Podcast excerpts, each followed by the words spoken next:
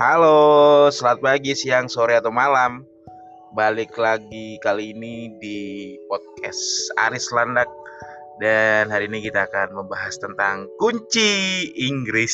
Kira-kira nih kunci Inggris nih sejarahnya gimana ya? Kan nggak banyak yang tahu ya kan tentang kunci Inggris. Tahu kita pakai aja gitu kunci Inggris ya nggak sih? Jadi tetap stay di sini dengerin podcast Aris kali ini.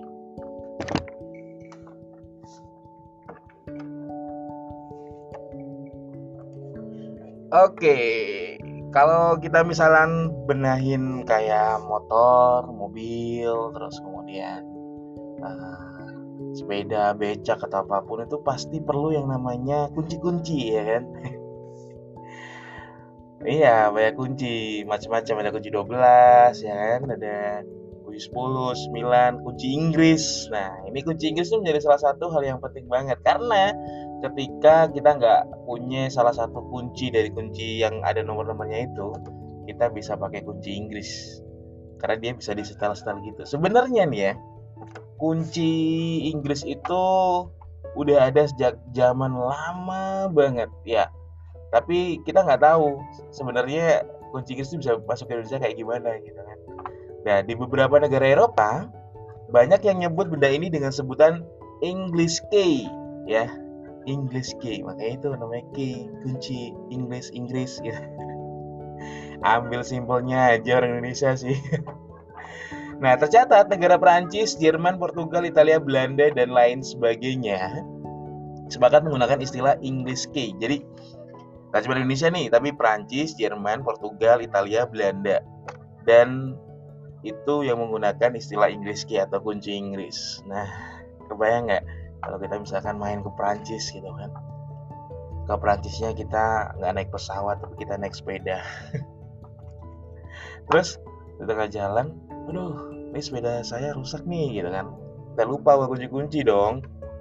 Ya lagian ke Prancis bawa sepeda nggak bawa kunci lagi. Aduh gimana sih? Terus akhirnya uh, kita bisa tuh pinjam ke warga kompleks tempat ya kan.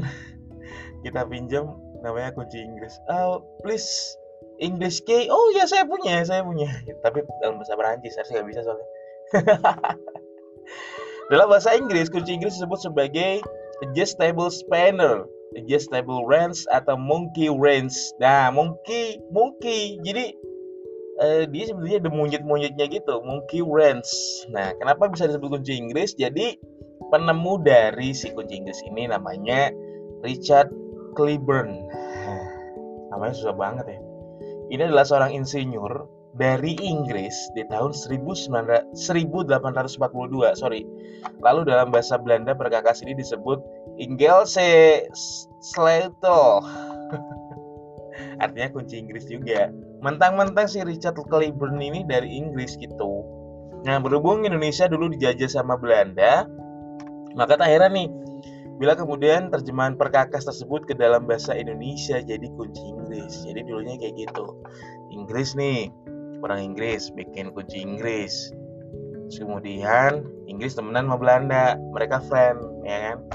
Mereka teman dekat, suka ngopi bareng. Akhirnya uh, saya punya sesuatu deh buat kamu gitu. Apa nih hadiah apa ya? Saya nyiptain sesuatu. Namanya adalah saya kasih nama dia Inggris Angel Slater.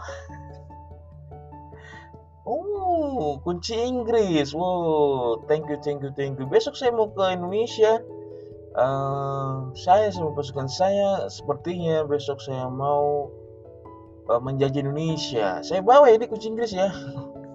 Akhirnya dibawalah kunci Inggris ke Indonesia. Orang Indonesia tadinya itu marah-marah dong. Wah, Belanda marah-marah gitu. Terus kemudian eh kalian jangan marah. Eh kenapa jadi bahasanya bahasa kayak gitu ya?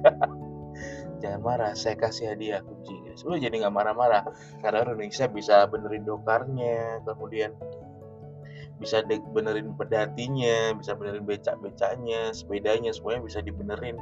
Pakai kunci Inggris itu. Mungkin itu kali ya yang buat Indonesia sampai eh, nggak uh, sadar dijajah 350 tahun ya karena dia merasa maksudnya kebaikan Belanda ngasih kunci Inggris tadi gitu kali ya Nah, dalam perkembangannya kunci Inggris buatan Cleburne disempurnakan lagi oleh Johan Peter Johansson dari Swedia. Jadi ada yang lebih lebih sempurna lagi daripada buatan si Cleburne.